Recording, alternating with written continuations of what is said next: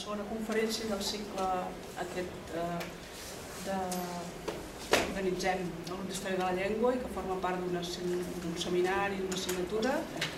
Eh, avui eh, les setmana va parlar l'Isidor Madí, que és el president de la Societat Filològica, i avui eh, ens parlarà el doctor Joaquim Rafel, que és el, en aquests moments és el director de les oficines lexicogràfiques de l'Institut d'Estudis Catalans. Eh, M'han demanat que li faci una mica de presentació, per la raó que durant uns quants anys he treballat amb ell i per tant algú ha suposat que el puc conèixer més que d'altra gent. I el que he de dir és que el doctor Rafael eh, és una persona que no, no freqüenta molt eh, els llocs públics, mm, però que està darrere de feines molt importants pel nostre país. És una persona que va començar treballant en fonologia, eh, mm, eh, la, seva, la seva manera de treballar eh, molt, molt disciplinat l'han portat a treballar en moltes eines eh, lingüístiques eh, informatitzades. Eh, eh, és el promotor de, o un dels promotors del diccionari del català contemporani, pel qual es va crear el corpus informatitzat de la llengua catalana dels Institut d'Estudis Catalans, un gran corpus, eh, eh, que està a més a més vinculat, eh, ha estat vinculat amb projectes eh, d'altres corpus europeus, eh, també ha, ha treballat en, en un diccionari de sinònims informatitzats, eh, eh, bé, i, i parlarem, hi hauria altres projectes que, que, que ell ha fet. Per tant, és una de les persones que ha agafat la informàtica com a una eina per eh, fer un bon tractament de la llengua i, eh, per exemple, en el camp de la lexicografia, això ha portat a fer plantejaments sobre la lexicografia nous, molt diferents dels que s'havien pogut fer fins ara. Eh, la informatització de la lexicografia ha possibilitat que ja no hàgim de dir per quina lletra ha començat el diccionari o per quina lletra aneu, eh, això ha passat a la història, és un altre tipus de cosa. De totes maneres, eh, des de l'any, aquesta tasca eh, que l'avala, van fer que el 1999 el proposessin com a director de les oficines lexicogràfiques i eh, ha estat al darrere de tots els treballs que s'han dut a terme per la segona, eh, per l'elaboració de la segona edició del DIEC, que com sabeu és el diccionari normatiu vigent, i eh, continua estant al cap de les oficines lexicogràfiques, fent altres projectes lexicogràfics que veuran la llum d'aquí un temps, i eh, vetllant sobretot per l'estudi del lèxic eh, normatiu des del punt de vista sobretot institucional que és una mica el que, el que també ens ve presentat. Per tant, jo només dono la paraula al Rafael i que ens expliqui. Moltes gràcies, Olga.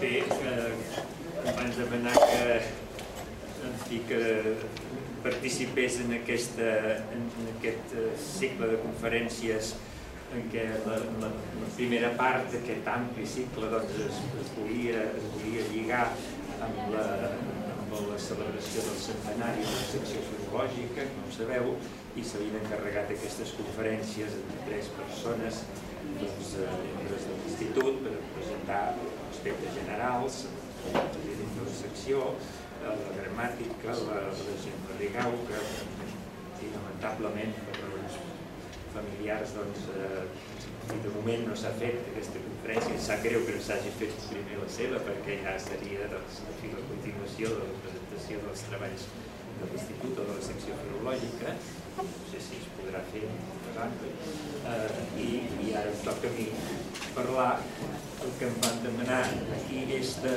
el diccionari de l'Institut. Quan diem el diccionari, ens digui aquesta expressió el diccionari per antonomàsia, eh? com si parléssim doncs, per un eh? de llibre. Per mi dels el, llibre, oi? I des del llibre per antonomàsia, doncs quan parlem de, del diccionari, doncs, mira el diccionari fa servir. Estava dient que això de el diccionari eh, pot ser poder dir el diccionari de l'antonomàsia, pot poder dir, pot voler dir doncs, eh, el que ara tenim disponible, no? Però és que al llarg de la història estem celebrant els 100 anys de la fundació de la secció filològica. 100 anys, doncs, és un període llarg. No? Eh, aleshores, doncs, al llarg d'aquest temps, el diccionari de l'Institut ha, ha, ha volgut dir coses diferents. Jo el que he fet, el, el, vaja, el que faré, el que he preparat, vaja, és una, una mena de, de panoràmica de com s'ha desenvolupat l'activitat lexicogràfica de la secció filològica o de l'institut, si voleu, eh, eh, al llarg d'aquest temps.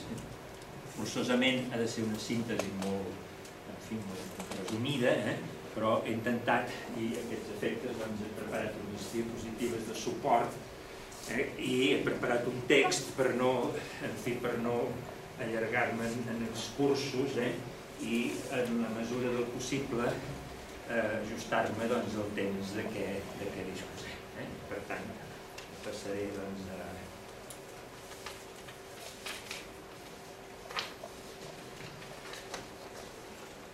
He posat una mica així perquè no, no, no hi ha una pantalla i, i no puc veure fàcilment el que veieu vosaltres i com que hi hauré de fer alguna referència doncs m'he posat una mica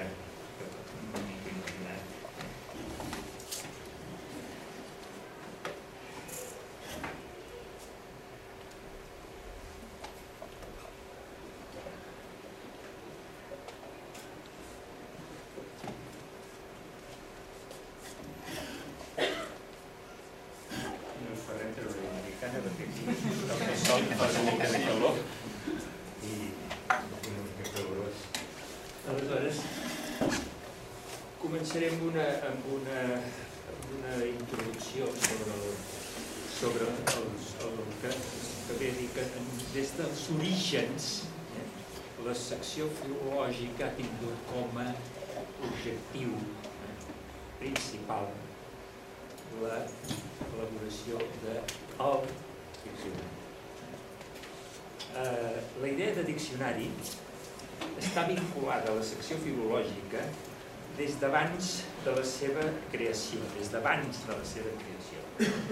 En la memòria presentada a la Diputació de Barcelona per a promoure l'ampliació de l'Institut d'Estudis Catalans en dues noves seccions, Enric Prat de la Riba esmenta el diccionari com la missió, entre cometes, eh, de la proposada secció filològica que denomina també Acadèmia de la Llengua Catalana. Secció filològica igual a Acadèmia de la Llengua Catalana. Abans de la seva definició en la memòria per promoure la eh, hi ha un text, no sé si llegir-lo per no allargar, però diu, eh, per això, diu Prat de la Riba, en el, la memòria aquesta de 1910, eh, diu, per això, al costat de la secció històrica arqueològica ja existent i de la secció de ciències, hauria de constituir-se la secció filològica, és a dir, l'Acadèmia de la Llengua Catalana. Els catalans que han fet de l'estudi d'aquesta llengua el centre de totes les seves activitats s'unirien els poetes i posadors que amb la seva producció literària l'han refeta i salvat. La seva missió seria fer el diccionari de la nostra llengua, magna empresa, etc. Eh? eh, D'altra banda, en, en l'acord d'ampliació de l'Institut d'Estudis Catalans s'esmenta explícitament l'elaboració del diccionari com una de les comeses de la nova secció diu l'acord la, de la Diputació per l'ampliació de l'Institut diu la missió, tornem a trobar la missió, eh? la missió de la secció filològica, la, no les missions, eh? la missió de la secció filològica o Institut Filològic, que també es, no, es deia en aquest moment, serà es, fixeu que aquí ja es destria, diu la missió però fixeu-vos bé com diu, serà estudiar científicament la nostra llengua, inventariar el seu lèxic, fer-ne el diccionari i fomentar el seu ús i imperi, en el vocabulari d'aquella època, eh, dins i fora de la nostra terra. Observem que la missió encarregada a la secció filològica no es limita, això no obstant, a la confecció del diccionari de la llengua, sinó que s'estén també al seu estudi científic i aspectes de caràcter social, i amb això aquesta institució resta configurada no com una acadèmia que té estrictament com a objectiu de fixar un model de llengua, sinó que també li són encarregats l'estudi de la llengua i el foment de l'ús lingüístic. Aquest, aquests tres aspectes han estat recollits en els estatuts vigents actualment de l'Institut d'Estudis Catalans, que estableixen com a primera finalitat de l'Institut ocupar-se de l'estudi de la llengua, establir-ne la normativa i vetllar perquè el seu procés de normalització sigui coherent en tot el seu àmbit lingüístic. Aquesta missió es desdobla eh, en aquests tres aspectes. Podem preguntar-nos com ha dut a terme la secció filològica de l'Institut d'Estudis Catalans aquesta missió, especialment en l'aspecte lexicogràfic, que ens interessa ara aquí. Eh, L'activitat de l'Institut d'Estudis Catalans en els seus diferents camps d'actuació ha estat fortament condicionada al llarg de la seva història per diversos factors de naturalesa molt diversa uns d'ordre extern i uns altres d'ordre intern. Amb la denominació genèrica de factors d'ordre extern em refereixo a la situació política i social al llarg del segle XX que, arribant a l'extrem de reduir la institució a la clandestinitat durant una bona part de la seva existència, ha impedit que complís en el moment adequat els principals objectius per als quals fou creada. Amb la denominació de factors d'ordre intern em refereixo als inherents a la major part de les, de les institucions acadèmiques, lligats a la dificultat per arribar a acords, sobretot a causa de les diferències de criteris en algunes qüestions fonamentals, o per a planificar adequadament accions coherents i viables. Aquests conceptes els he desenvolupat més àmpliament en uns articles que he escrit sobre aquesta qüestió. La combinació d'aquests factors de naturalesa diversa permet distingir diferents períodes condicionats pels esdeveniments i caracteritzats per la naturalesa de les activitats eh, dutes eh, a terme.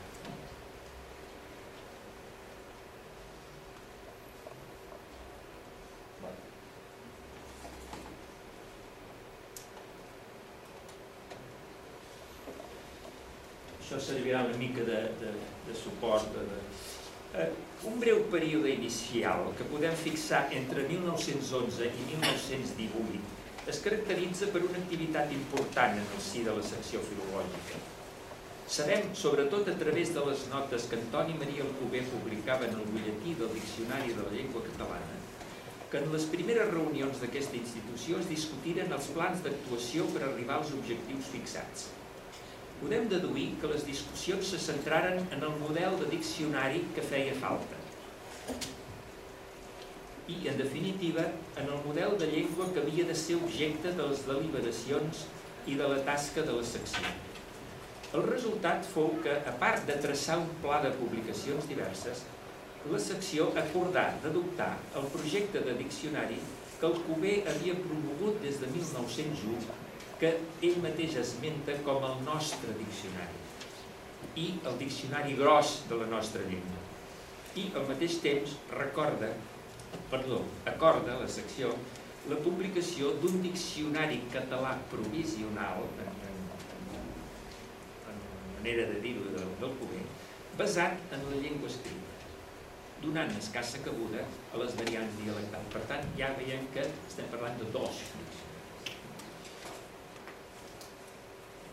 Eh, basat en, en, en la llengua escrita i donant escassa cabuda a les varietats dialectals, el qual havia de reflectir els mots més obvis i corrents de la llengua literària, segons el Comer. La direcció d'aquest darrer diccionari havia estat encarregada a ell mateix i a Pompeu Fabra.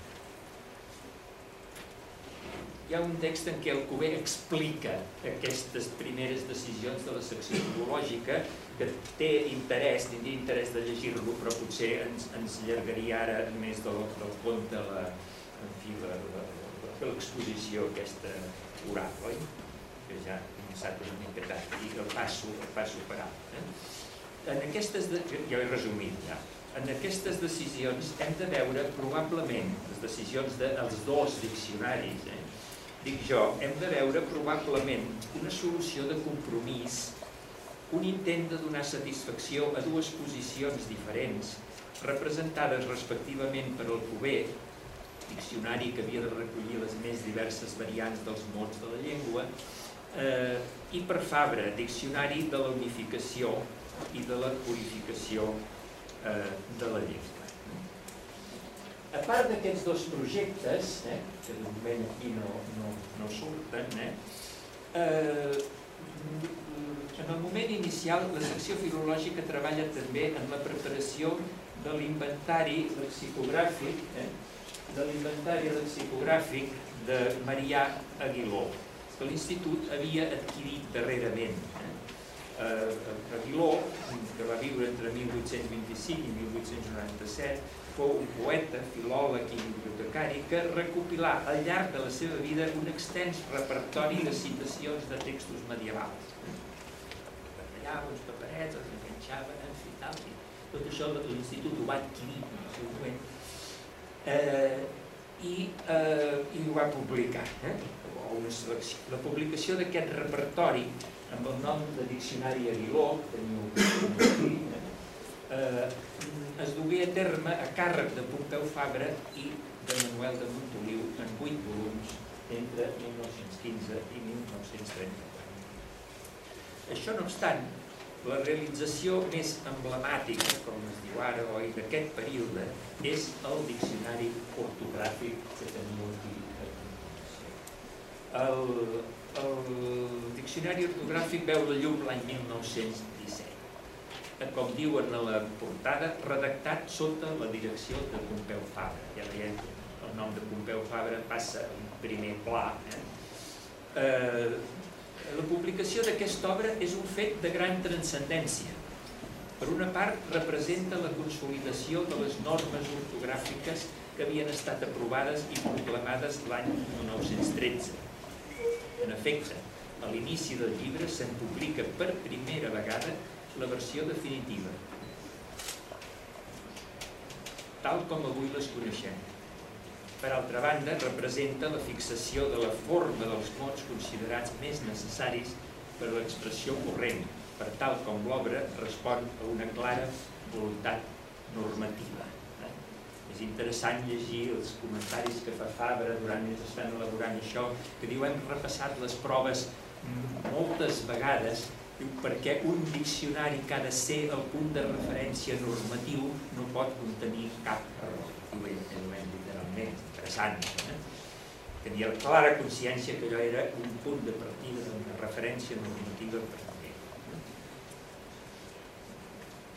i, es, es, hi apareixen per primera vegada la, la, la, la versió definitiva tothom parla de les normes ortogràfiques i de l'any 12 i de l'any 13, etc, però ha molta gent no saben que les normes que apliquem ara no són les de l'any 13, sinó que són les de l'any 17, que hi va haver uns canvis importants en, en part en conseqüència de el, el, el, els, els oponents que van sortir a les normes de l'any 13. Entretenir ara amb això, eh, però no puc deixar de dir. L'any 1918, eh, l'any 1918 es produeix la ruptura de mossèn Alcover amb l'Institut, d'Antoni Maria Alcover amb l'Institut. Alcover torna a Mallorca enduent-se el projecte de diccionari comprensiu de tota la llengua, amb els materials recollits fins en aquell moment, que anys més tard, entre 1926 i 1962, veuen la llum de, mà, de, de la mà de Francesc de Borja Moll en els 10 volums del Diccionari Català Valencià Balear que ara coneixem, però fora de l'institut. Els anys que van de 1918 a 1923, eh, ja fora el cuber de l'institut, es caracteritzen per una gran activitat interna. Sembla que el Marshal Cuber doncs, eh, en fi, va generar tota una sèrie d'activitats. No?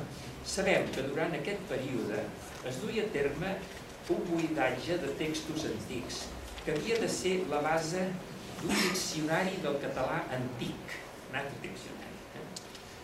La resta de treballs s'agrupen entorn de dos objectius ben diferents que responen en certa manera als dos ideals contraposats a què hem fet referència. Per una part, continua la recopilació de dades de la llengua viva iniciada en el període anterior. Des d'aquest punt de vista, aquesta activitat pot ser considerada la continuació dins l'Institut dels ideals del Cuber.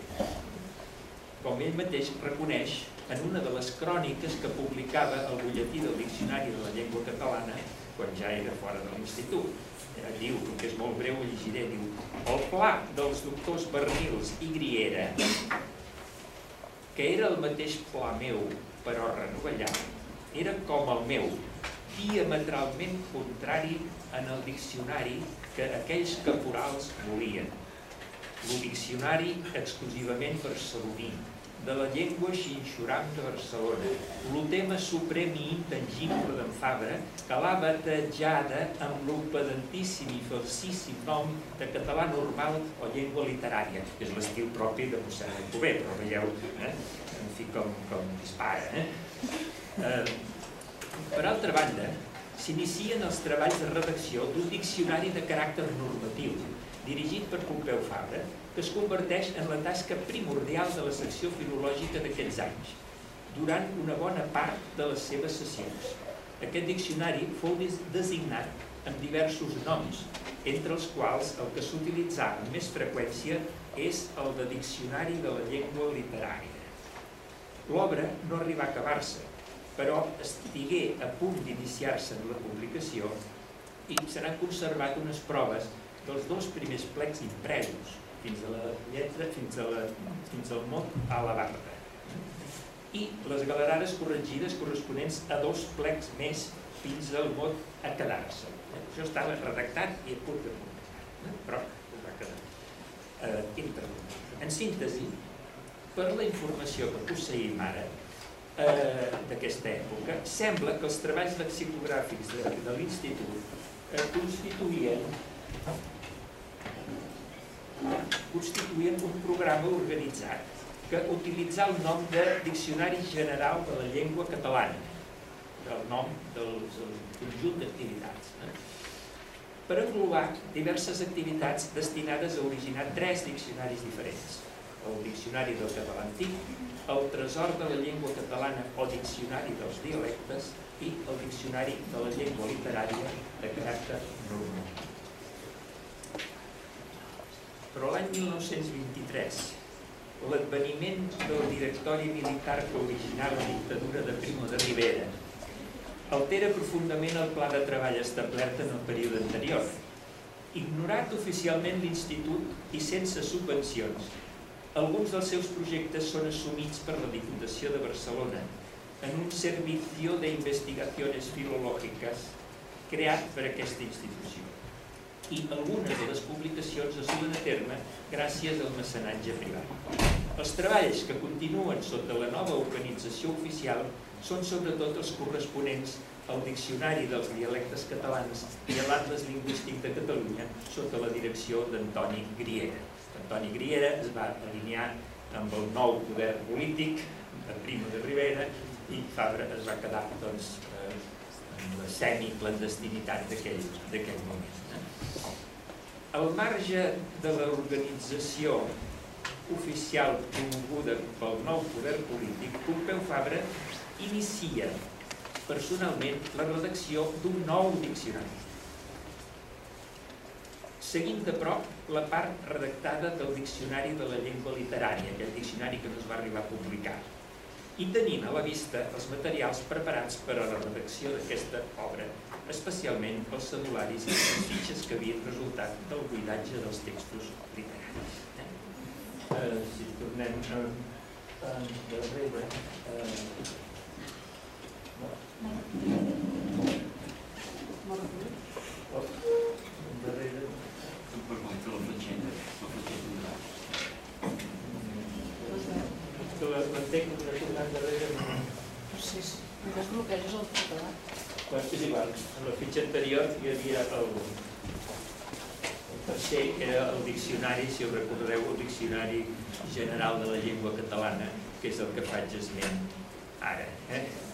El, o sigui, Fabra es posa a redactar pel seu compte doncs, un nou diccionari. L'any 1932 es publica aquesta obra amb el títol de Diccionari General de la Llengua Catalana i amb el nom de Fabra com a autor, per una editorial privada, López Lleusàs.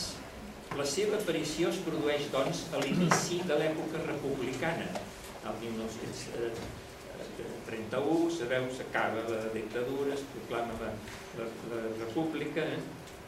Eh, quan es comencen a recuperar les institucions catalanes i quan la llengua torna a ocupar, o comença a ocupar de nou, l'espai social propi unes circumstàncies en les quals el diccionari presta un servei molt important a la societat i la cultura catalana. Entre el començ de la redacció, 1923, i la publicació total de l'obra, se n'havia iniciat l'aparició en fascicles el novembre de 1931, transcorren 9 anys. La dedicació preferent de Fabra a la redacció del diccionari, gràcies al mecenatge de Francesc Cambó, i el fet de no haver de sotmetre's al complex tràmit de la sanció acadèmica, permeteren l'elaboració i la publicació de l'obra en un termini tan breu. Tot i que no es tractava pròpiament del diccionari acadèmic, per la seva naturalesa i per les circumstàncies en què fou elaborada, aquesta obra ha estat considerada sempre per l'Institut i per la població en general el diccionari de referència normativa del català. Ens trobem, doncs, davant un fenomen singular en el qual la tasca individual d'una persona se superposa a la labor col·lectiva d'una institució i acaba sent reconeguda per aquesta com a pròpia.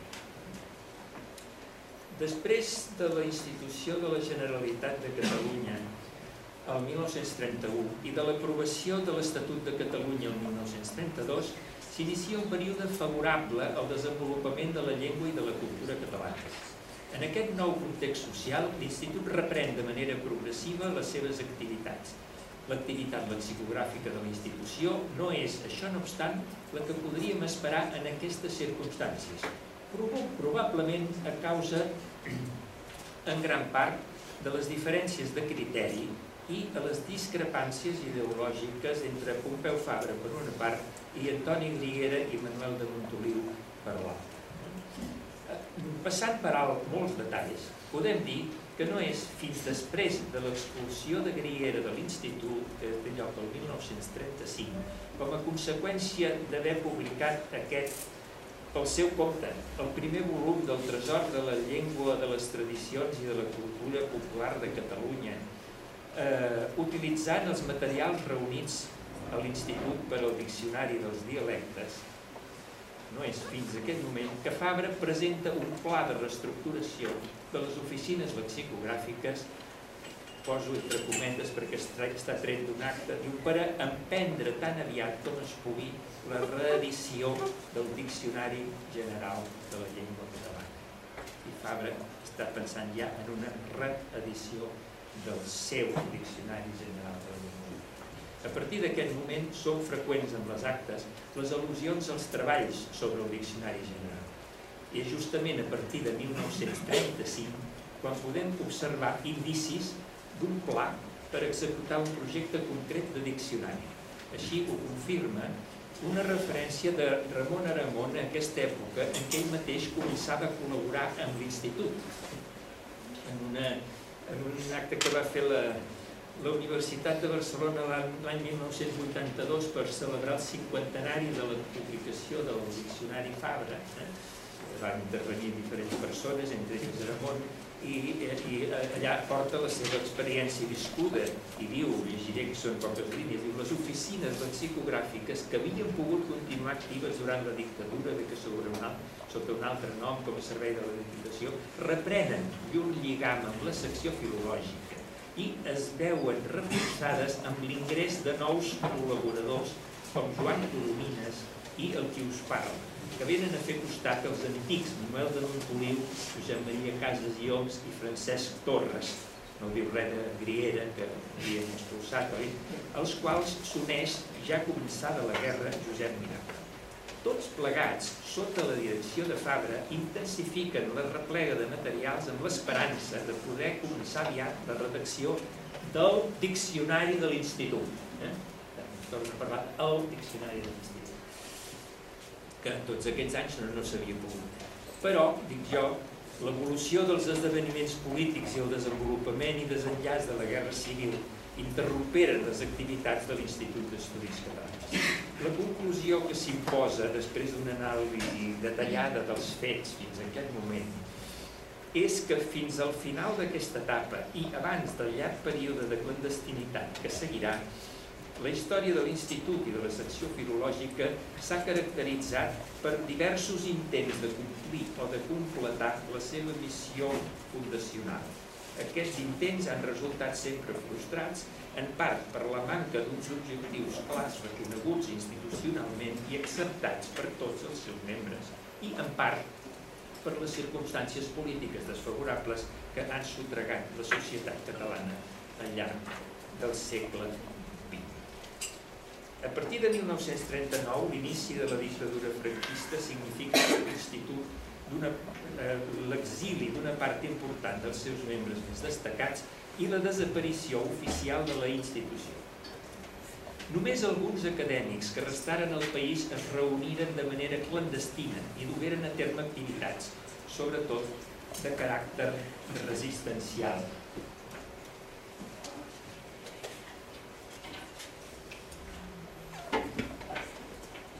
Pel que fa a l'activitat lexicogràfica, la fita més important de tot aquell llarg període és la publicació l'any 1954 de la segona edició del Diccionari General de la Llengua Catalana de Pompeu Fabra, encara surt amb el nom de Pompeu Fabra i no d'Institut d'Estudis Catalans, revisada per la secció filològica, amb un pròleg de Carles Riba, president de la secció. L'any 1962 es redita l'obra i en anys successius n'apareixen noves edicions o reimpressions. A part d'això, durant una llarga etapa de, durant la llarga etapa de clandestinitat, l'activitat lexicogràfica de la secció filològica es limita a l'aprovació d'algunes llistes de mots nous que es difonen de manera oficiosa fins que es van incorporar al Diccionari Fabra a partir de la quarta edició 1966 i en forma d'apèndix a partir de la cinquena 1968, commemorativa del centenari del naixement de Fabra. L'any 1900... Eh, 1976, en plena transició política ja, un reial decret restableix l'existència oficial de l'Institut d'Estudis Catalans i aprova uns nous estatuts per a l'entitat. L'Institut deixa de ser així una institució clandestina després de gairebé 40 anys al final d'una fase de lenta recuperació de la normalitat corporativa, tinguem en compte que encara que l'Institut adquireix una existència legal l'any 1976 amb aquest Reial Decret, de fet no recupera els locals, o sigui, l'antiga casa de convalescència de l'Hospital de, de Santa Creu, eh, fins a l'any 1982.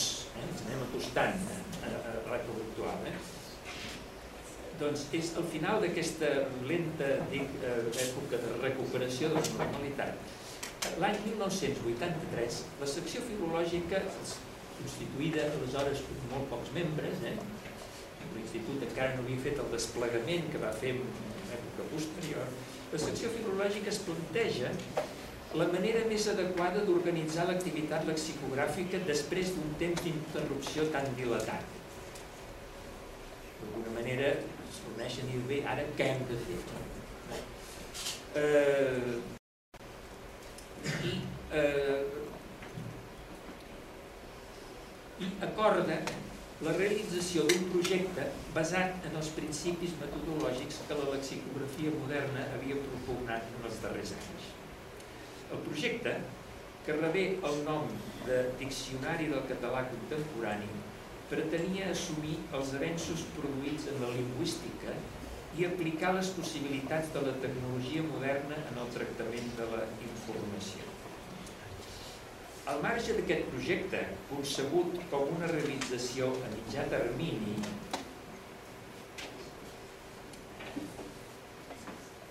la secció filològica es plantejava també com escometre les noves edicions o actualitzacions del diccionari que tenia encara caràcter normatiu, però que estava clarament ja desfasat, el diccionari de Contemplà. A partir d'aquest moment, podem considerar que l'Institut ha tingut una activitat important en el camp lexicogràfic. S'acceleren les coses, per dir-ho així i faig un ràpid repàs. Eh? L'any 1985 l'Institut es dota d'una infraestructura informàtica adequada i s'inicien els treballs de la constitució del corpus textual informatitzat de la llengua catalana. L'any 1992 l'Institut acorda donar prioritat a la publicació en caràcter urgent d'un diccionari normatiu elaborat sobre la base del Diccionari General de la Llengua Catalana de Pompeu Fabra, degudament actualitzat el 1995 es publica el Diccionari de la Llengua Catalana resultat de l'acord anterior. El 1997 finalitzen els treballs de constitució d'aquest corpus textual informatitzat de la llengua catalana. El 97 s'inicia la preparació d'una segona edició revisada i ampliada del Diccionari de la Llengua Catalana. El 1998 s'inicien els treballs del Diccionari Descriptiu de la Llengua Catalana, que és la segona fase del projecte Diccionari del Català Contemporani. I el, el 2001 es publica un Diccionari Manual de la Llengua Catalana. El 2005 es posa a disposició del públic per via electrònica la part redactada del Diccionari Descriptiu de la Llengua Catalana. I el 2007 es publica la segona edició del Diccionari de la Llengua Catalana. Veieu que ja és una trajectòria ja molt més accelerada i ara diré alguns mots sobre el, el, el fi, aquí veieu eh, distingit l'activitat d'aquesta normativa i l'activitat que diem descriptiva, que és el Diccionari del Català eh, contemporani, que d'alguna manera dona compliment a l'establiment de la normativa i a l'estudi de la llengua com, com ara, com ara diré d'una manera resumida. El, el, ho dic en el text que he preparat. El conjunt d'aquestes actuacions respon en l'àmbit del lèxic a dos dels objectius estatutaris que abans he esmentat de l'Institut, l'establiment de la normativa i l'estudi de la llengua. La institució exerceix, exerceix així, per una banda, l'estricta funció d'Acadèmia de la Llengua i per l'altra analitza les propietats de les unitats lèxiques a partir de l'ús real i ara doncs resumiré una mica en una mesura que tinguem temps no? eh, el, el diccionari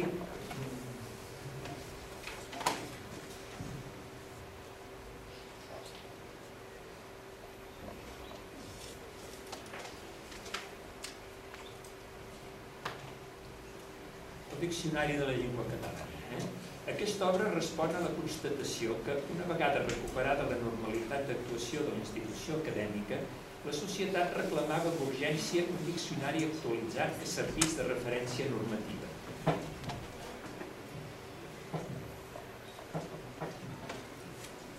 La solució adoptada per l'Institut fou la d'elaborar un diccionari a partir del Diccionari General de la Llengua Catalana de sense alterar-ne fonamentalment els criteris lexicogràfics ni la base lèxica, però ampliant-lo i actualitzant. No es tractava doncs de fer un nou diccionari, sinó d'agafar el que hi havia i actuar sobre ell. Des de la publicació del Diccionari Fabra l'any 32, les necessitats comunicatives havien canviat molt i com a conseqüència d'això s'havia originat un nombre important de mots o d'excepcions noves que en bona part havien estat recollides per, pels diccionaris publicats en els últims anys fora de l'àmbit acadèmic. Sobretot el Diccionari de la Llengua Catalana, l'Enciclopèdia Catalana, eh, que recollia les aportacions lèxiques de la gran enciclopèdia catalana que es va publicar entre 1969 i 1980. Eh, això, dona lloc, això donà lloc a un nombre important d'actuacions en la nomenclatura del diccionari, eh, edicions, supressions, modificacions que foren objecte de publicació a part pel mateix institut, en llibre de l'any 97, eh? i en la confecció d'aquest nou diccionari foren aplicats una sèrie de criteris prèviament discutits i aprovats per la secció filològica. Aquests criteris, eh, aquí teniu en fi, una, una, els aspectes, no? Eh, això són els aspectes generals i aquí tenim una,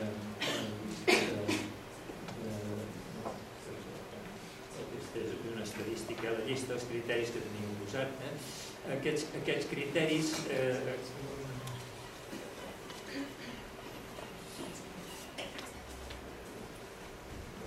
passo per alt aspectes, eh?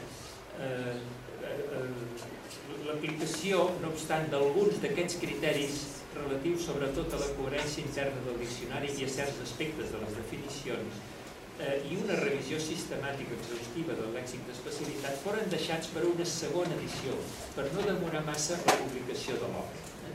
Hi havia en aquell moment una exigència social eh, que l'Institut publiqués un diccionari que servís de referència normativa i que estés més actualitzat que el diccionari Aquí veieu una estadística d'entrades, subentrades, excepcions i exemples del diccionari Fabra i del diccionari de la llengua catalana, que és aquest seria DIEC, diccionari de l'Institut d'Estudis Catalans DIEC 1, que és la manera com correntment es coneix aquest diccionari, eh, i la diferència que no comento està a la llista. Eh?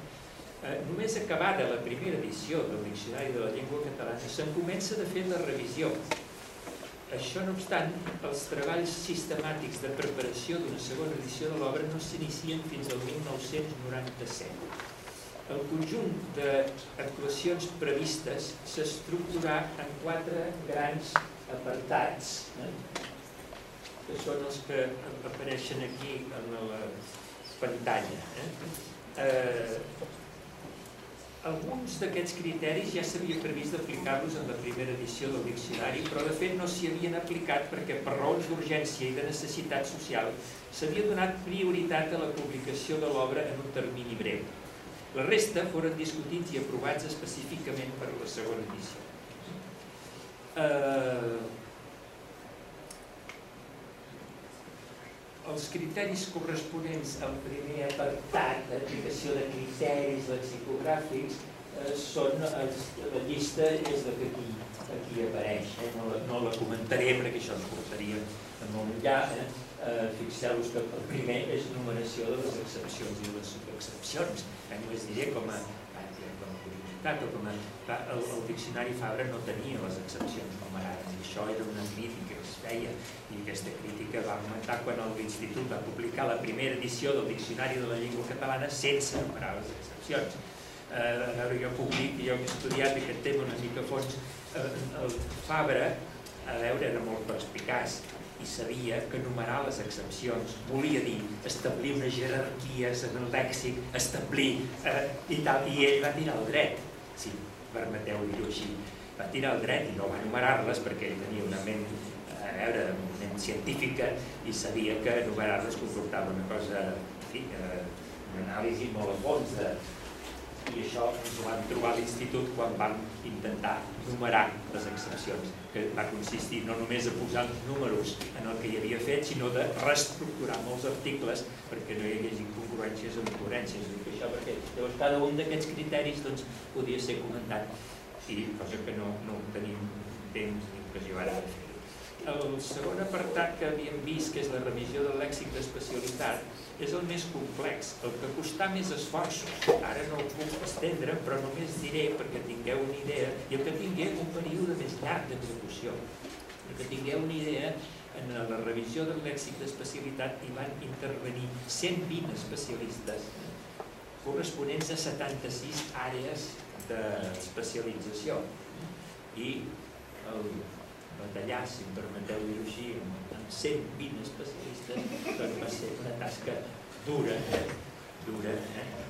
En fi, que no ho comento ara perquè el tercer apartat, que era tractament de les propostes d'esmena, tingué com a objectiu d'analitzar i donar solució a tots els suggeriments fets directament o indirectes, sigui en publicacions de diversa naturalesa, especialitzades o generals, sigui mitjançant comunicacions escrites o manifestacions verbals, etc. Aquí va haver la, la, la, la, la primera edició del diccionari, com sabeu els que ho vau viure, va tenir un ressò ampli en la societat eh, i, i va haver uns inputs molt, molt importants que tots van ser tinguts en compte. I el quart i darrer apartat que teníem aquí es refereix a la revisió del lèxic comú que es dividí en dos subapartats, la revisió de la nomenclatura i la revisió de les articles. El conjunt, o sigui, després de totes aquestes actuacions previstes per a la segona edició, donar lloc a uns resultats que podem comparar aquí entre la primera edició del diccionari i la segona, eh, i aquí tenim la diferència quantitativa, eh, de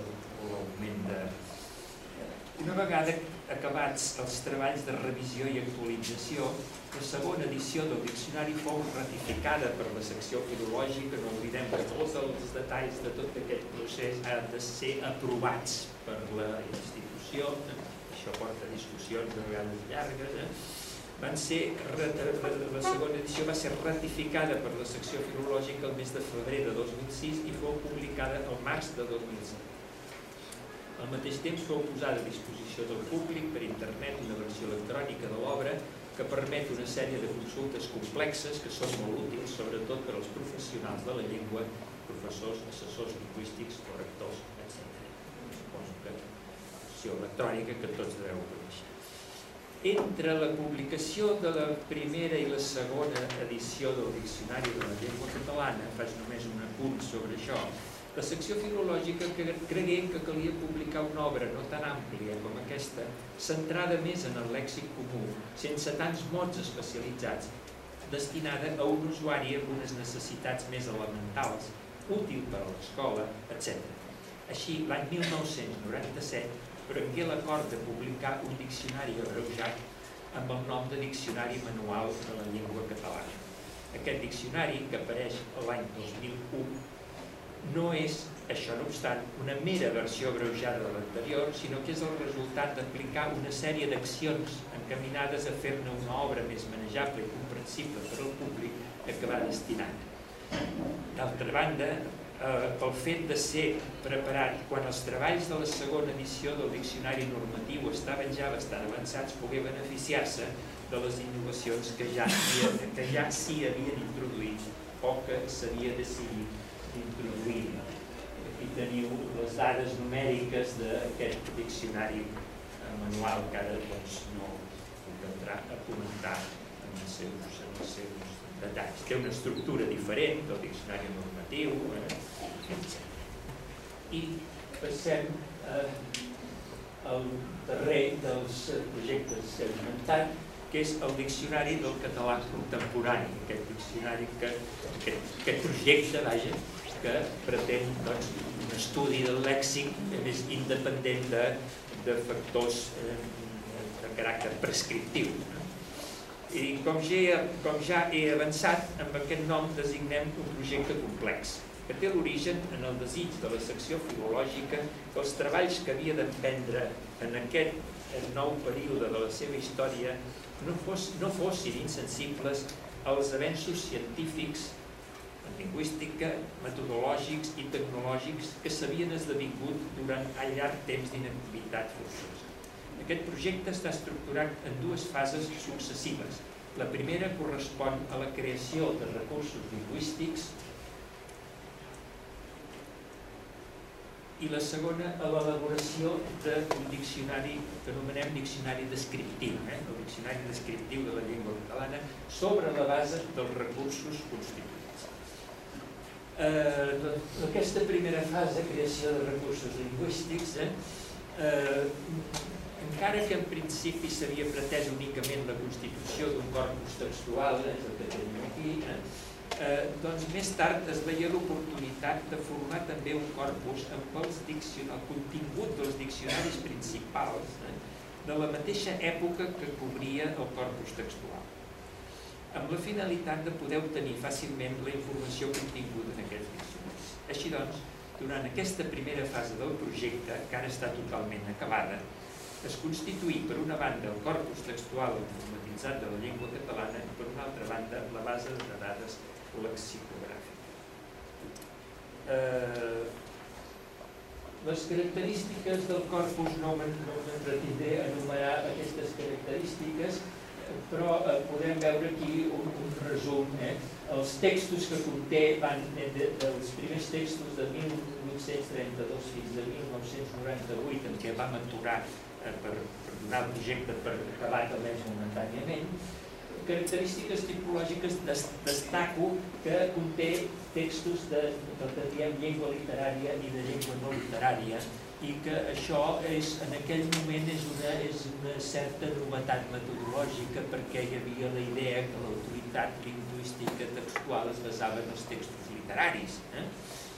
Eh, I la seva extensió en nombre de paraules text és de 52 milions i escaig. Eh? El, el nombre d'obres eh, incloses és 3.299, literària 2011, no literària 2.228 i, esclar, el nombre d'obres vol dir que aquí hi ha obres literàries molt extenses i hi ha coses molt curtes, com pot ser una escriptura notarial, també és una obra del corpus, eh? o una carta. Eh? Per tant, aquestes obres són d'extensions molt diverses, des de, des de obres què sé jo, el quadern gris de Josep Pla, que té més de, més de 250.000 paraules, eh?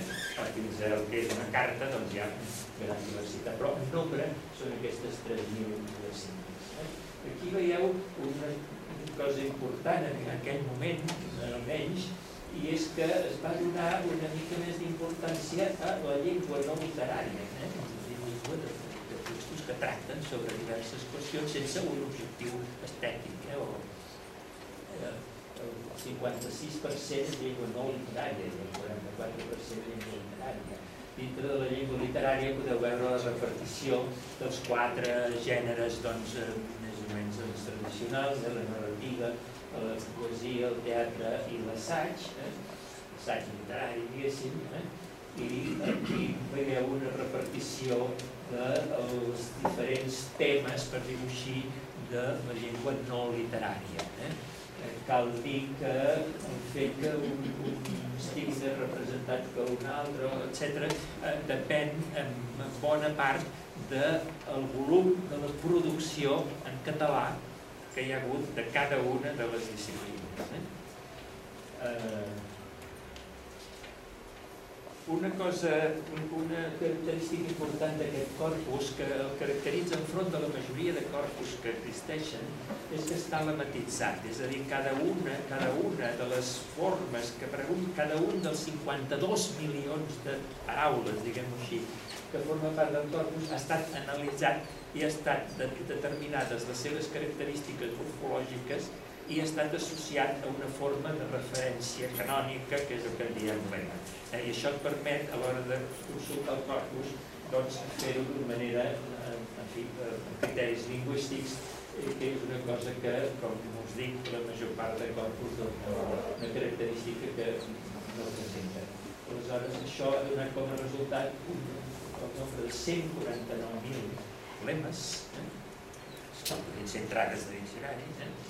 Eh, i eh, 678 formes eh, gramaticals eh, i el que diem la base de dades lèxica eh, té aproximadament un milió menys d'ocurrències perquè aquí s'han eliminat el que són noms propis, el que són aquests noms en llatins de la taxonomia, de les ciències naturals, etc.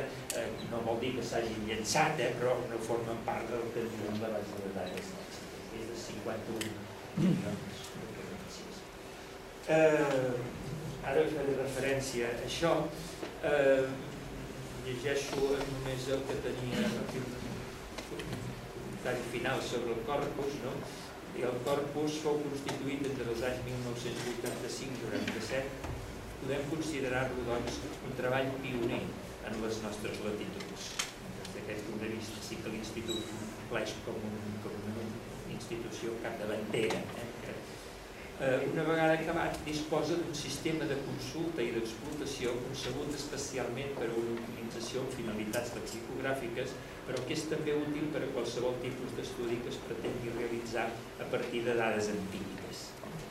En aquest moment el corpus textual es pot consultar públicament per internet a través del web de l'Institut d'Estudis Catalans i el procediment de consulta permet obtenir una sèrie de contextos relatius a un lema determinat o a una forma eh? i com a activitat vinculada a l'elaboració del corpus fou publicat entre els anys 1996 i 1998 un diccionari de freqüències en tres volums impresos, dos grossos, tres grossos volums i dos CD-ROMs, que inclou la totalitat de les dades lèxiques i estadístiques del corpus part d'això, el contingut del, del CD-ROM últim eh, eh, permet carregar-se, qualsevol investigador carregar-se al seu ordinador totes les dades del, del corpus lèxiques i estadístiques i fer, a partir dels seus programes, fer el que cregui eh, la base de dades lèxica, BDLEX, que diem abreujadament, eh, conté degudament informatitzats i carregats la base de dades lèxica aquests, això d'aquí, eh? conté degudament informatitzats i carregats en una base de dades els 13 diccionaris catalans que han estat considerats més significatius dels segles XIX i XX fou creada amb la finalitat de facilitar l'accés ràpid i sistemàtic a la informació que contenen aquestes obres i d'obtenir el màxim rendiment de les consultes. Fou concebuda, com ja he dit abans, com un recurs complementari dins del projecte general. Més endavant concretaré quina és la utilització específica que se'n fa en l'elaboració del diccionari descriptiu. Suposo que heu tingut temps de passar la, la vista per la llista de diccionaris eh? i no, no, comentaré doncs, el diccionari al Moll, com sabeu, l'institut el té posat eh, en fi, a consulta a través d'internet, eh? aquí si hi hagués més temps i això fos un seminari més, més llarg, doncs eh, aquí, aquí tenim un pis que ens hi pot portar, etc. però al final no ho farem. Eh? Eh, per tant, doncs, passem aquí, anem a la part aquesta de descripció lexicogràfica que consisteix en el diccionari descriptiu que serà. Eh, l'objectiu de la segona fase del projecte eh, aquí, aquí podeu anar llegint algunes coses que he posat a part, eh, a part del que dic de paraula, no? L'objectiu de la segona fase del projecte Diccionari del Català Contemporani encara està en ple procés de realització.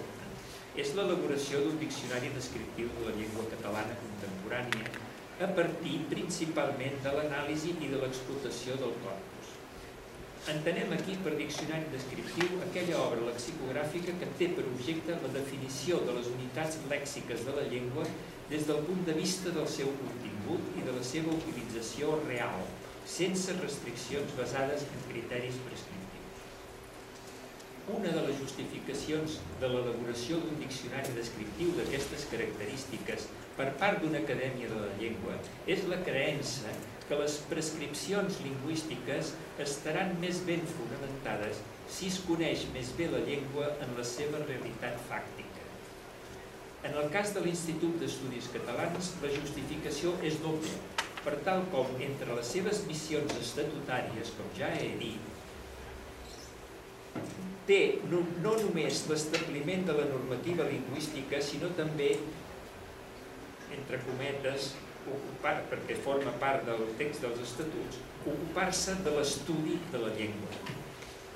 Amb l'elaboració d'un diccionari descriptiu d'aquestes característiques, l'Institut d'Estudis Catalans no només produeix una obra concebuda d'acord amb els principis més generalment assumits per la lexicografia contemporània, sinó que es dota d'un instrument molt valuós a l'hora d'exercir la seva activitat com a institució acadèmica encarregada de l'establiment i de l'actualització de la normativa de la llengua catalana. Una de les característiques més destacades del diccionari descriptiu de la llengua catalana que conforma tot el diccionari és el fet d'utilitzar el corpus textual com a base fonamental i font exclusiva. Es tracta, doncs, en sentit estricte d'un diccionari basat en corpus. No és aquest el moment ara ni el lloc de detallar els avantatges d'aquest procediment. Només destacaré el fet que, d'acord amb aquest principi metodològic, basat en dades empíriques, s'estableix no solament la nomenclatura del diccionari, sinó els significats de les unitats lèxiques, a partir de l'ús que realment se n'ha fet. En comptes d'utilitzar mètodes a priorístics basats en, basats en els diccionaris preexistents o intuitius, basats en la consciència lingüística del lexicògraf, com se sol fer en la lexicografia tradicional. L'aplicació d'aquest mètode permet la utilització de dades de caràcter estadístic que poden arribar a tenir una gran importància tant en la fixació de la nomenclatura com en aspectes interns de l'estructura del diccionari. Permet també l'exemplificació mitjançant testimonis d'ús avalats per una citació i una referència concretes, amb la qual cosa podem, si cal, situar en el temps un determinat ús o un significat. Com a conseqüència de la utilització d'un corpus com a punt de referència o font principal, el diccionari descriptiu inclou una informació exhaustiva i sistemàtica sobre les estructures sintàctiques de què poden formar part en les diferents excepcions, les unitats lèxiques tractades i també sobre les ocurrències més freqüents. I si ja heu vist això d'aquí, d'altres eh, rètols, no?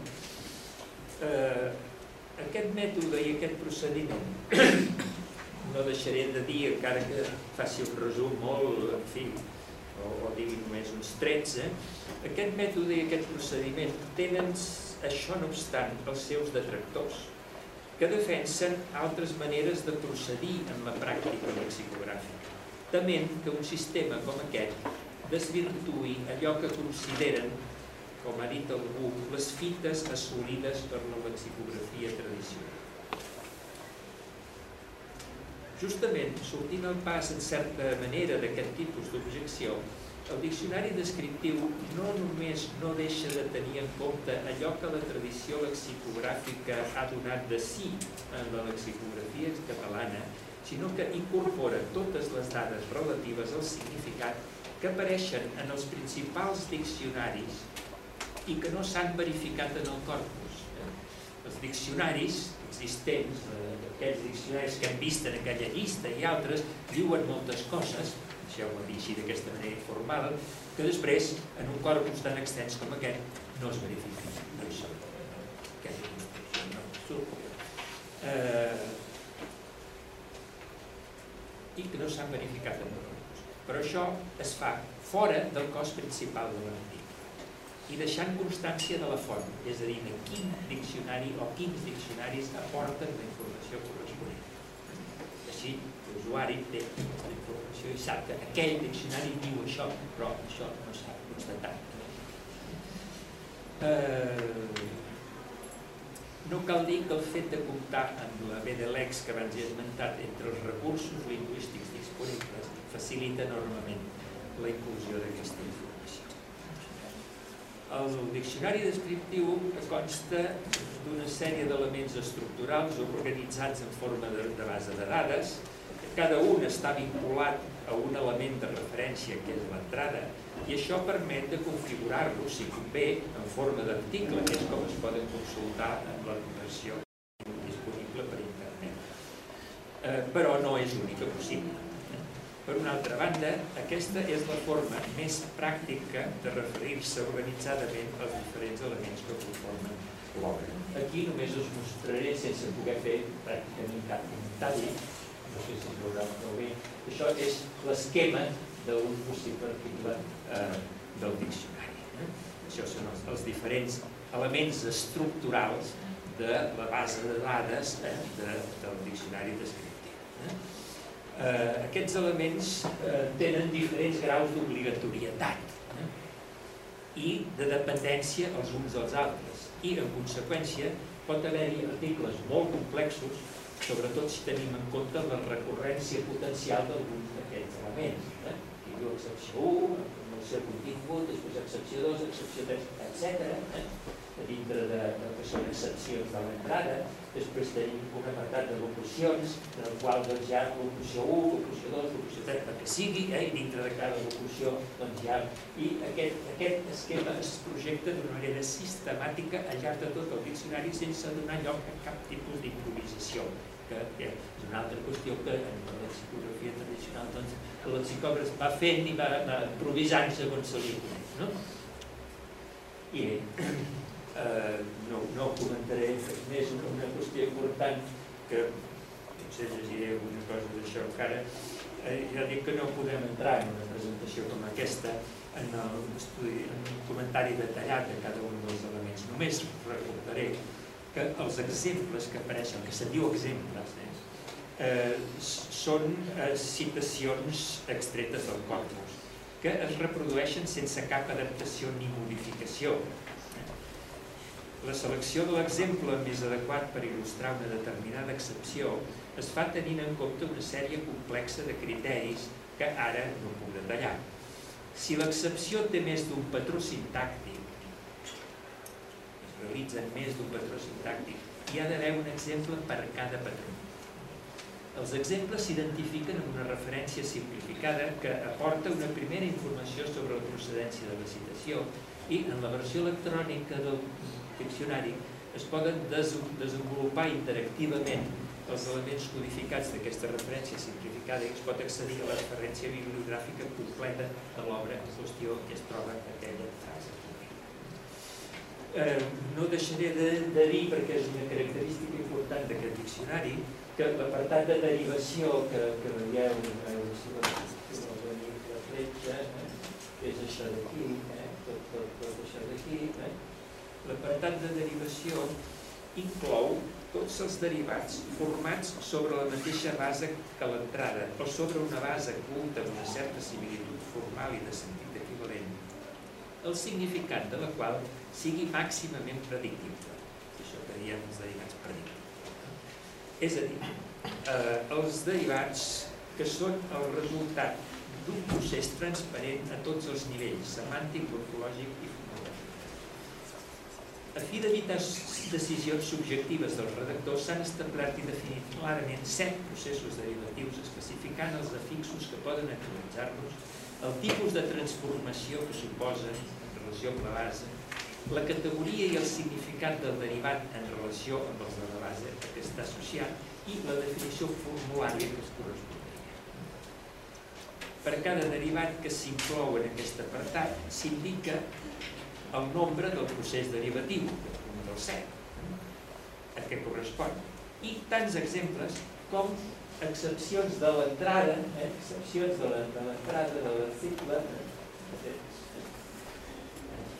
com excepcions de, de, de l'entrada, excepcions, a aquell, a aquell derivat actualitzat. És conegut el fet que els diferents derivats que podem tenir d'una determinada entrada no actualitzen totes les excepcions de l'entrada, no s'especialitzen en unes, en unes altres. Eh?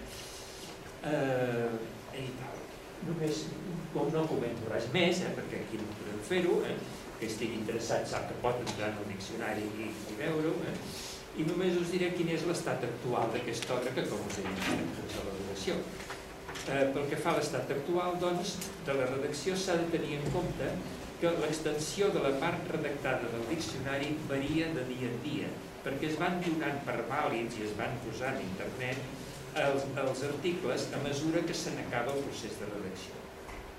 El volum actual en dades de començament d'aquest mes de novembre, aquí teniu les, les xifres, eh? Eh, és de 75.841 articles.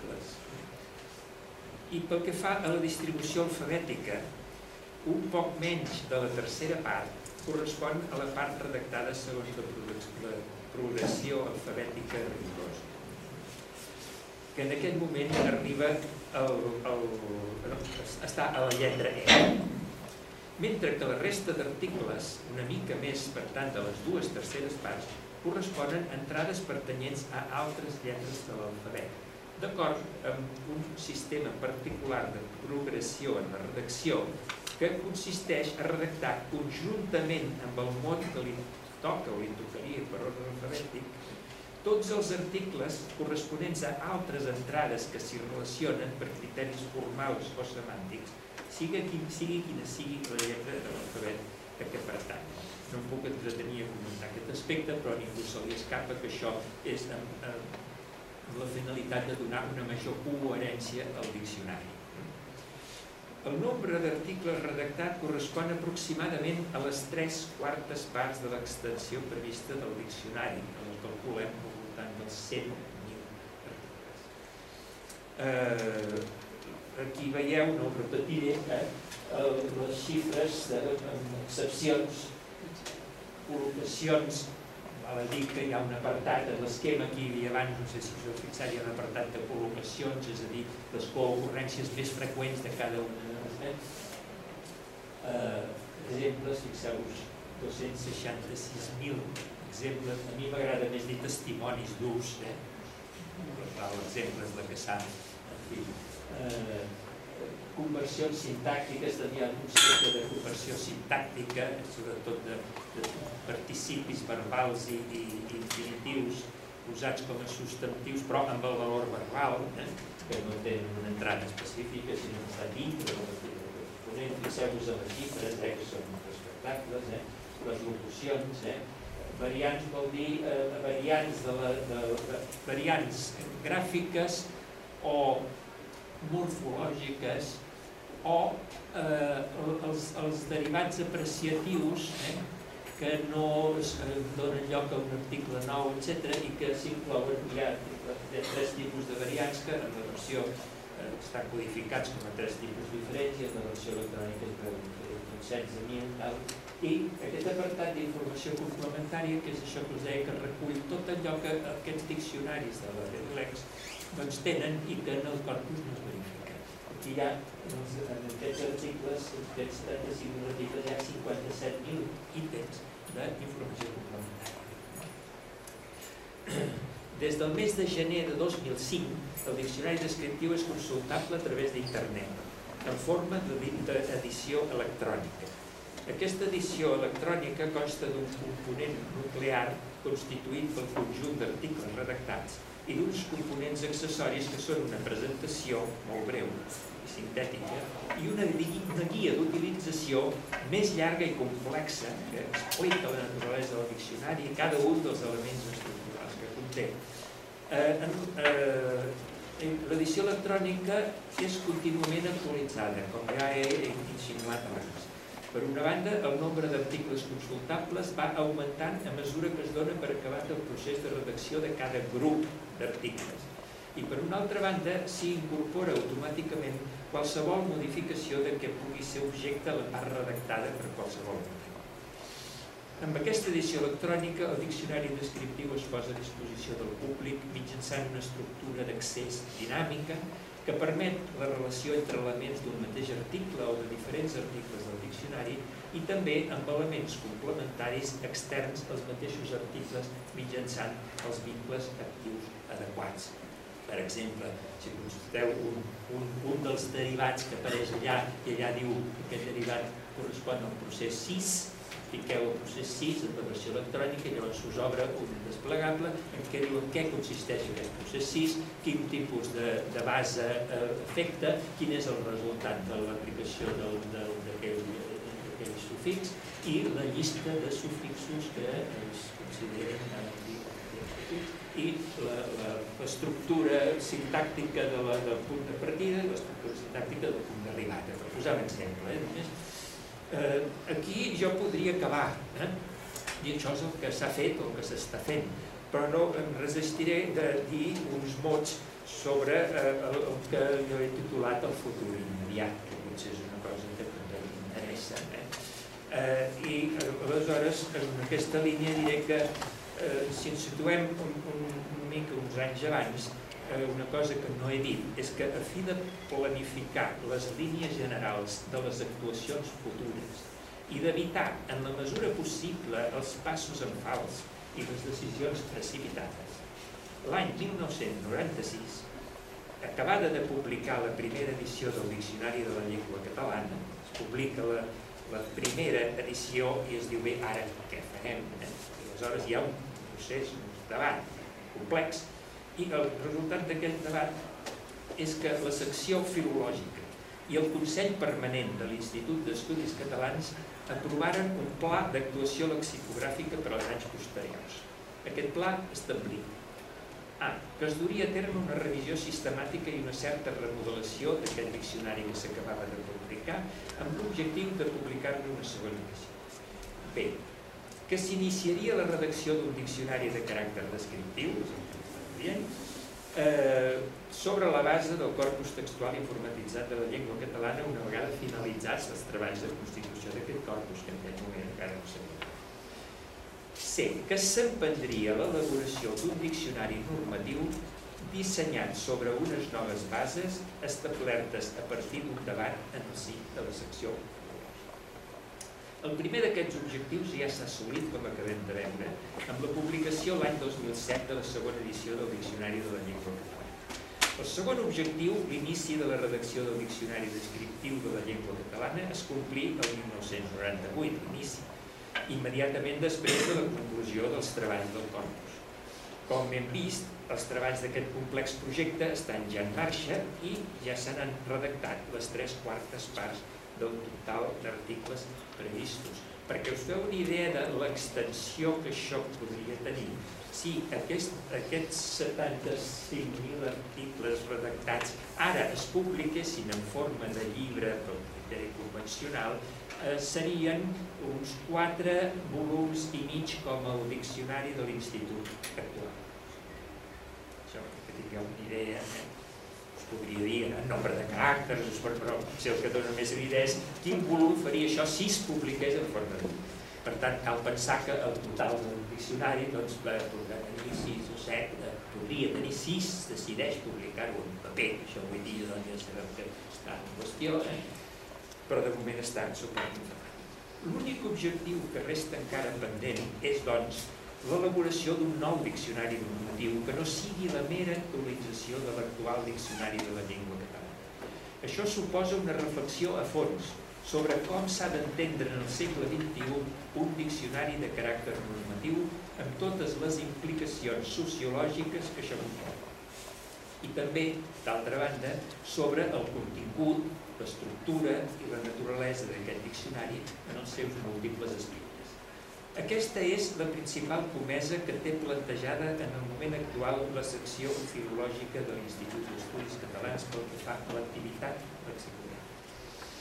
A fi d'emprendre ja la tasca, tot just publicada la segona edició del Diccionari de la Llengua Catalana, el mateix any 2007, el president de la secció filològica encarregat a la Comissió de Lexicografia l'elaboració d'un projecte que definís les característiques i la naturalesa d'aquest diccionari. A partir d'aleshores s'ha posat en marxa un procés complex, que no podem detallar aquí, que s'ha iniciat amb un debat sobre el model de llengua que ha de reflectir el nou diccionari. Aquest debat, que ha constat de diverses fases, ha culminat el mes de juliol de 2010 amb un acord de la secció filològica sobre el model de llengua.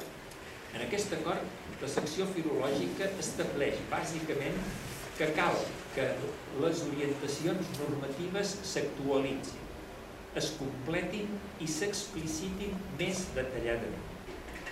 Com a conseqüència de l'expansió de l'ús públic i de l'aprenentatge de la llengua, la diversitat creixent de les pràctiques comunicatives i culturals i la coexistència de les comunicacions d'àmbit regional amb les d'àmbit, amb les d'abast global o supraregional. I, per una altra banda, estableix que, sens perjudici del seu objectiu unificador d'establir una llengua comuna i de donar pautes de convergència, l'estàndard inclou un marge de variació, de disponibilitat de recursos expressius atenent la dimensió dialectal dels cinc grans àmbits del català definits per la pròpia secció filològica i de la dimensió funcional i contextual. suposo que us feu càrrec de la, de la transcendència doncs, d'aquests doncs, eh, acords. No? Pres aquest acord, per part de la secció filològica, la Comissió de Lexicografia s'ha fixat un pla de treball que consisteix en l'elaboració dels criteris que han de regir l'elaboració del nou diccionari, per una banda, i en la fixació de les característiques tècniques que haurà de tenir l'obra. De moment, s'ha elaborat ja el criteri per al marcatge de les unitats lèxiques del diccionari en la dimensió dialectal, que ja ha estat debatut i aprovat per la secció filològica ara el juliol de 2011.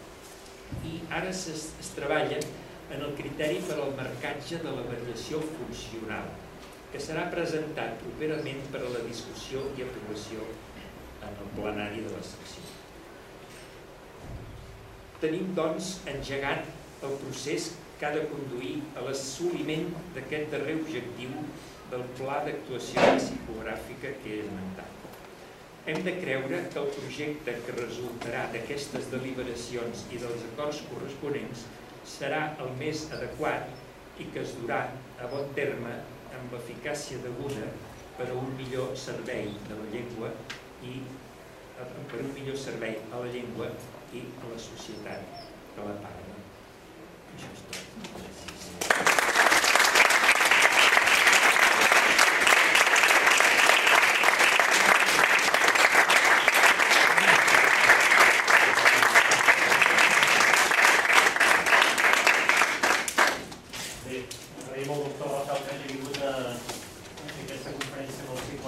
Setmana passada.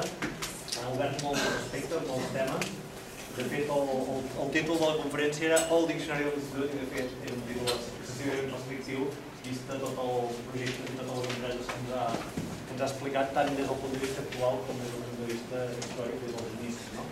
Bé, eh, per raons diverses, bàsicament també perquè en el, a l'hora de començar la conferència hi ha hagut un rellau que havíem previst d'estudiants, que potser ens ha, ens ha retardat una mica el, el, el, o, el començament de la conferència. Uh, no obstant, per tant, ens hem gairebé... Ja, ja, ja som a dos, ja, ja és l'hora, són dos quarts de tres.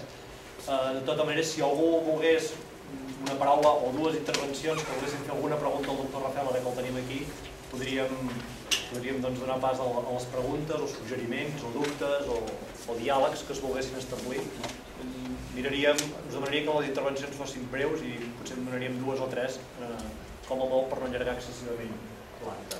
Eh, la, primera, la primera mà que he vist era allà. I és que no entenc el diccionari de freqüències, què és? Bé, el diccionari de freqüències és, és, és un, un repertori lèxic que dona informació sobre el, el, el nombre de vegades que una unitat lèxica apareix, en aquest cas, en un corpus eh, la freqüència d'ús o d'aparició de, de les unitats lèxiques és un criteri que s'utilitza per molts tipus de treballs lingüístics o, o, o, o pràctics o utilitaris. El més conegut, per exemple, és l'elaboració d'això que en diuen eh, eh, vocabularis bàsics. Eh? Com se sap quines paraules doncs, són les més diguem, bàsiques d'una llengua, doncs, un dels criteris, no l'únic, és el nombre de vegades que s'utilitzen. Eh? Per posar un exemple. No? Esclar, aquest diccionari concretament, aquest diccionari es va publicar en forma, en paper, en forma de llibre, eh, això és una cosa que bueno, potser no, no hauria de dir, però eh, és a dir, perquè, eh, a veure, jo que era el, el, el que donava la cara en totes aquestes coses i, i havia de negociar les subvencions i tot això, que com que el projecte es diu Diccionari del Català Contemporani, estaven subvencionant un corpus i eren, eren conscients, però alguns dels polítics amb qui vaig haver de, de batallar un dia em va dir, bé, escolti, i el llibre quan sortirà? Però jo vaig pensar, mira, eh, que, que això del diccionari de freqüència és una cosa que jo ja tenia al cap perquè esclar, hi ha moltes llengües que tenen diccionaris de freqüència, diverses llengües del món, no? Eh, el català no el tenia. Eh? Eh, I vaig pensar, mira, eh, aquest senyor vol un llibre, doncs mira, podríem aprofitar, que el pagarà. Doncs, això, això és la cosa interna, eh? No, el que és evident és que, home, que el català disposi d'un diccionari de freqüències fet sobre un corpus d'aquesta magnitud és una cosa que sembla interessant. Eh, no sé si, si he contestat més o menys el que demanaves, eh, però diccionari de freqüència conté això, una, informació doncs, de, de, caràcter quantitatiu sobre les, les vegades, aquests, aquests lemes que hem dit abans que, que formen part del corpus, doncs eh, quantes vegades apareix cada Això, això no és simplement una, una xifra, sinó que està més elaborat i aleshores es, es, es calcula un concepte que se'n diu dispersió, que, que és, el, a, a veure, resumint-ho, és eh, un, una paraula pot tenir una freqüència molt elevada, és a dir, pot aparèixer moltes vegades, però apareix només en, en un tipus de text. Eh? I això no és tan important com si aquest nombre de vegades està repartit en diferents tipus de text. Eh? per dir-ho així, tot això, aquest diccionari està estudiat i està, i està representat. Eh? No sé si és això. Llavors has dit que el descriptiu descriu mots però a vegades no són no són bueno, no, bueno, no són no són oficials, no? No són normatius. No són normatius, no? Sí, sí. Sí. el sentit de descriure la realitat lingüística, la realitat, eh, mm, sense una constricció de caràcter normatiu. Eh? És a dir, Llavors tu no pots fer veure, poder fer servir, tothom pot fer servir tot el que vulgui, eh? però ha de ser conscient de si vol ajustar-se al que és... D'altra banda, sí, d'altra banda, la, la, la, el que diem la normativa no, no és absolutament explícita. Eh? Moltes vegades s'ha dit per part de representants de l'institut eh, que no sigui una cosa al diccionari no vol dir que no es pugui dir, però llavors què passa? Es pot dir o no es pot dir? La gent no ho sap. Eh? Quines es poden dir, quines es poden dir? La, la normativa, el diccionari normatiu, et posa unes entrades i et posa una definició que, a veure, de vegades s'entén més bé i de vegades no tant, eh? però no t'informa explícitament sobre, per exemple, les construccions sintàctiques en què pots usar aquella paraula. No te n'informa més que d'una manera indirecta, quan et diu verb transitiu, sí, et diu que té un complement directe, però quan et diu verb intransitiu, res més, no et diu a quines construccions el pots usar i a quines no el pots usar. Per tant, la normativa és, podríem dir, ambigua en totes aquestes qüestions. I aquest és un dels problemes que ens hem trobat, perquè quan el projecte de diccionari descriptiu va ser discutit a la secció, no oblidem que totes aquestes activitats han de ser aprovades al ple de la secció. I allà hi ha opinions diverses, criteris diferents, ideologies diferents, com és lògic, perquè si no, no representaríem la societat, no? Eh, i, I bé, allà eh, eh, es va reproduir una mica eh, un debat com quan es parlava del diccionari Alcover Moll, per exemple, que, esclar, sortien persones que deien, bueno, no pot ser que l'Institut aculli un diccionari que diu coses que no, no, no aprovem com a normatives, i aquí també va passar. Eh? Clar, com pot ser que és a dir, jo podria explicar moltes anècdotes, eh? quan es va constituir el corpus, i no em vull desviar ara, però quan es va constituir el corpus, eh? Eh, hi ha denúncies escrites de membres de l'institut dient literalment que com pot ser que l'institut posi en un ordinador textos que tenen, deia, faltes d'ortografia. Eh? Perquè hi ha textos d'abans de la reforma ortogràfica. Eh? Vull dir, clar, eh, la institució té la seva complexitat, no? Aleshores, quan es va discutir aquest projecte de diccionari descriptiu a la secció filològica, tot això va sortir, clar, són debats complexos, no? I es va acordar que bé, que es fes aquest diccionari, però que es marqués tot allò que no formava part de la normativa aprovada. I hi ha una marca, un punt negre en el, a l'entrada, si consulteu la versió electrònica, que alguns ja ho deveu haver fet, eh, o a l'entrada, o a una excepció, eh, o en un patró sintàctic dintre d'una excepció, o etc de tot allò que no està explícitament previst en la normativa. Una de les feines que més feixuga dels redactors del diccionari és saber si han de posar aquesta marca o no l'han de posar. Eh? Perquè el diccionari normatiu no és explícit en això. Si una paraula, una entrada no hi és, no hi és. Eh? Posar casos extrems, si en el diccionari descriptiu sortirà barco perquè surt més de 600 o 700 vegades en els textos del corpus, clar, portarà un, un punt negre mentre no sigui el diccionari. No? I això és fàcil, la paraula no hi és. Però un determinat patró sintàctic que trobem en el corpus, eh, a veure, llegim el diccionari normatiu i es desprèn allà si és normatiu o no és normatiu. Moltes vegades no ho pots fer. Eh? Ho dic això perquè, és clar, eh, per ampliar una mica això del que hi ha allà, es pot usar, home, tot es pot usar, eh? eh però de, eh, allò t'informa sobre si estàs més o menys dintre de les previsions normatives o normatives. Eh? I la importància d'estudiar la llengua, això que dic jo, en la seva realitat que podem eh, obtenir dels textos, doncs l'avantatge d'això és que dona una informació molt important en els propis acadèmics que han d'elaborar un diccionari eh, més eh, posat al dia i més... Eh, fi, D'acord? Moltes gràcies. Més preguntes? Una altra? Isabel? Que quants lexicògrafs hi ha actualment treballant en el Diccionari Descriptiu de la Llengua i per quan es preveu doncs, aquests 25.000 articles que falten? Si això m'ho haguessis si retallades... Si això ho haguessis preguntat fa sis mesos, et diria això estarà acabat en tant temps. Però, entremig, hi ha hagut les retallades. Les retallades. eh, eh, eh, o sigui, eh, amb, el, amb el ritme que treballàvem fins ara, eh, i si no haguéssim disminuït cursos, eh, en 3 anys o 3 anys i mig hauríem acabat. Ara, esclar, no, no, ja llegiu els diaris, eh? només en aquest projecte eh, han tret 6 persones. Aquestes 6 persones feien 2.000 articles a l'any. 2.000 menys que farem.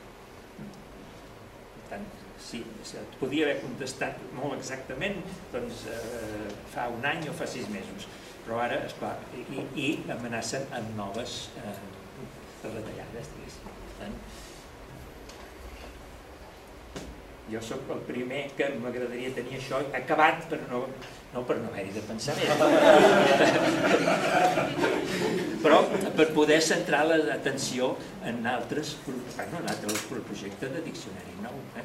Entre altres coses, allà tenim, tenim format un equip de lexicògrafs que fa anys que estan treballant en això, que, és clar, a veure, no ho podem trobar fàcilment. Eh? I aquest equip de lexicògrafs és el que en principi estaria destinat a posar-se a treballar en aquest nou diccionari normatiu. Per tant, és una de les raons per dir, bueno, acabem aquest ja, eh? però ara, és clar la cosa es complica des d'aquest punt de vista. Molt bé. Més preguntes? No? Veig que hi ha molts alumnes que han anat marxant clar, és una altra classe i... Començat mitja hora més tard, de fet, ja he tot plegat, eh? però bé, escolta, vull dir, espero que doncs, us hagi eh, estat útil, que, en fi, que hagi dit algunes coses, almenys que no sabíeu, i, i doncs que, que aprofiti doncs, pels vostres estudis, pel vostre, i que si pot ser doncs, augmenti l'interès per aquestes qüestions.